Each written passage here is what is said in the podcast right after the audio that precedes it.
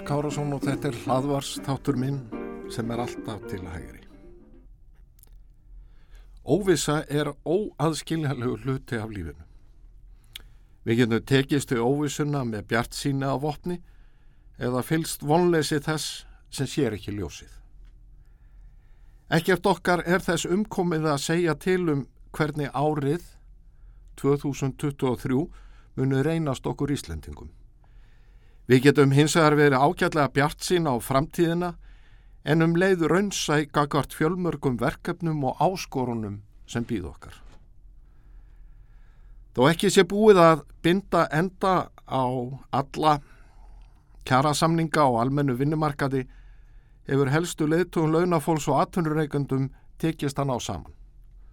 Rammi launáþróunar á komandi misserum hefur verið mótaður. Engin Kvorki hið ofinbera eða aðrir hefur siðferðilega rétt á að rjúfa þennan ramma. Efnaðarslega er of mikið í húfi. Kjara samningar, jafnvöld þótt í nokkru sé telt á tæpasta vað, draga úr óvisu á nýju ári. Þeir auðvalda fyrirtækjum og launafólki að gera áallanir um framtíðina. Þið sama á við um ríki og sveitarfjölu.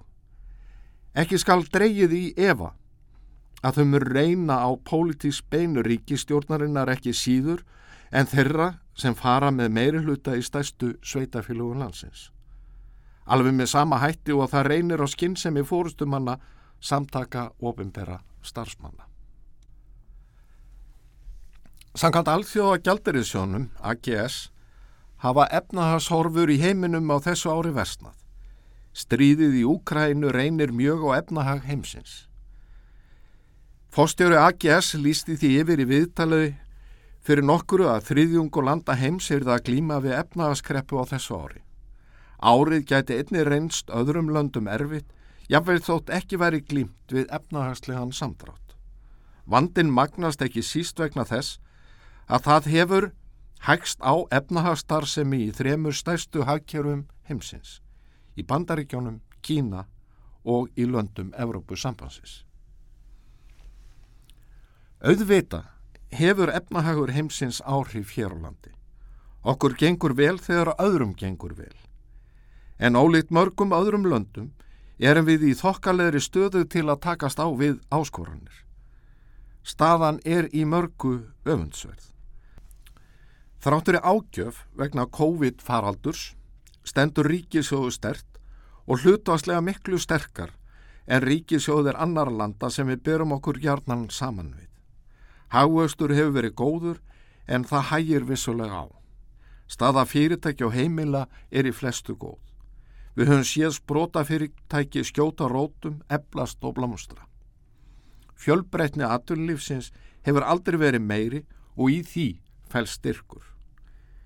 Við Íslendingar höfum engin áhrif á heims búskapin en við getum tekist á við verkefnin heimafyrir, verkefni sem mörg krefjast ögunar og festu en leggja grunn að bættum lífskjörum. Skinsamir kjærasamningar eru mikilvægir en döga ekki einir og sér til að tryggja stöðuleika og bættan hag landsmanna. Lífskjör ráðast ekki aðeins af fjöldakronna sem eru eftir í launaumslæginu þegar skattar og gjöld hafa verið greitt. Hvernig tiltekst við rekstur ríkisins og sveitafélag hefur bein áhrif á líf okkar allra.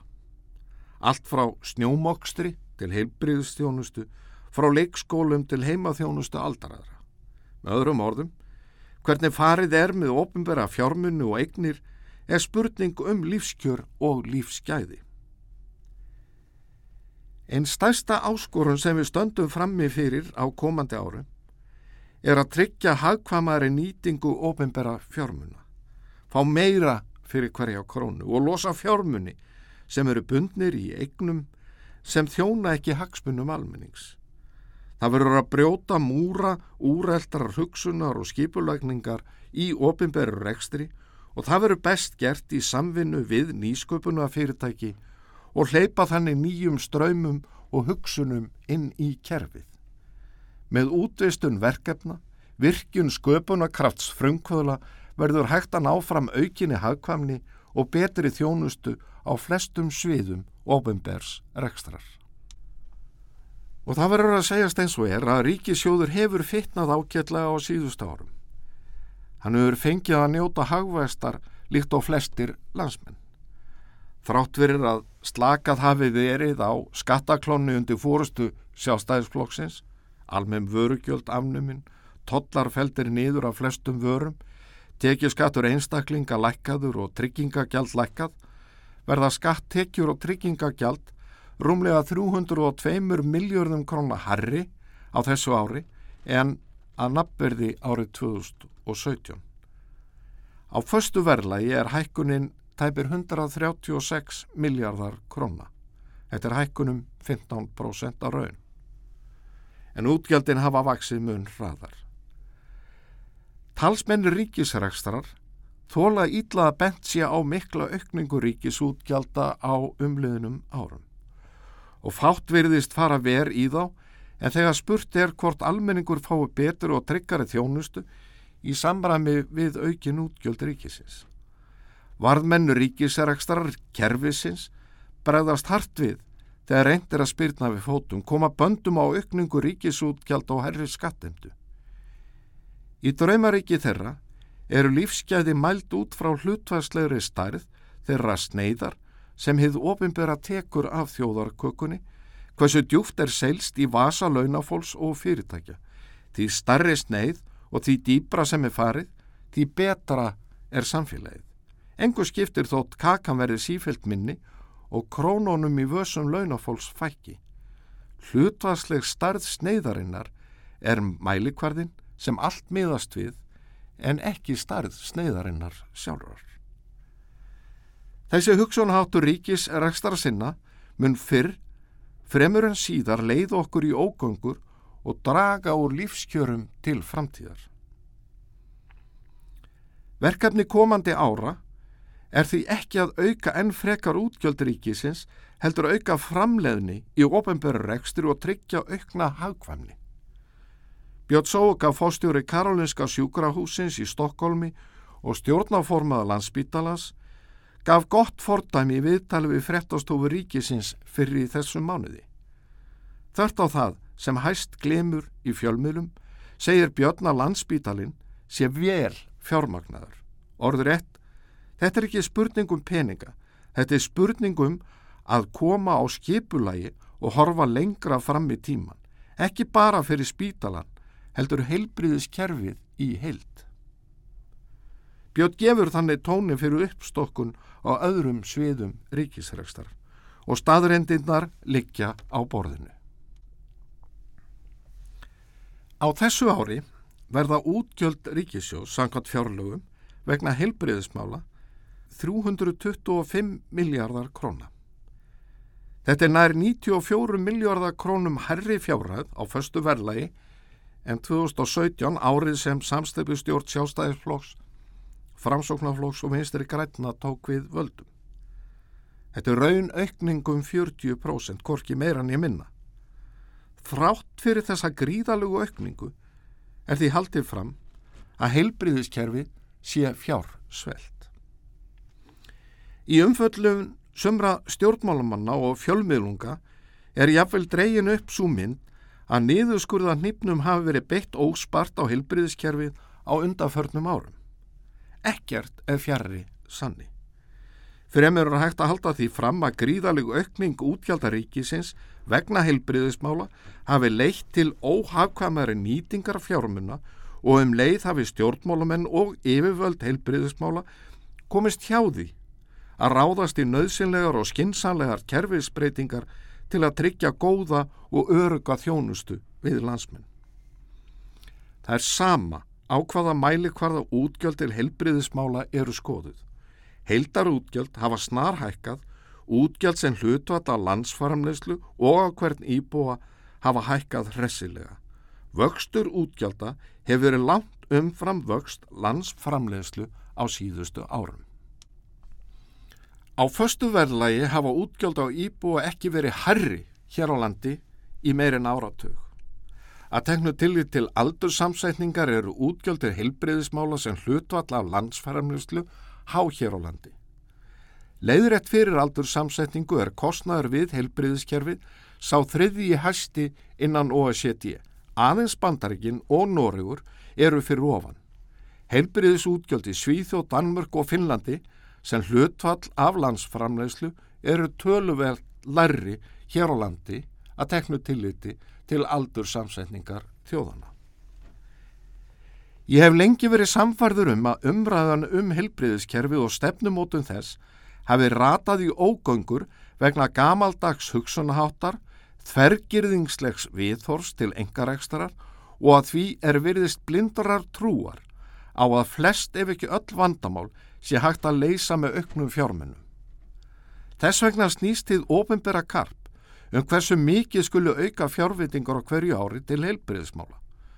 Karp sem verður oftar en ekki að yfirbóðum eins og kom ákjallegi ljós við afgjörðslu fjárlaga fyrir síðustu jól. Engu er líkara en að það sé sjálfstætt markmið að auka útgjöldin þannig að sífælt stærri hluti þjóðarframleyslunar renni til helbriðis útgjölda. Skipulagt kervisins og hagkvæm nýting fjármuna verða aukaðatrið. Hættan er svo að við missum sjónar á hvers vegna við höfum ákveði að reka samiðilegt sjúkratryggingakerfi að auka lífsgæði allra með góðri og öflugri helbriðust þjónustu. Hugssjónuna baki íslenska helbriðiskerfinu um aðgengi allra góðri og nöðsynleiri þjónustu, óháð efnahag, verður merkingalös ef fjármunum er sóað í vittlausu skipulegi. Sóun fjármuna og fábreytni í rekstraformi leiða til lagarið þjónustu við okkur öll sem eru sjúkra tryggð.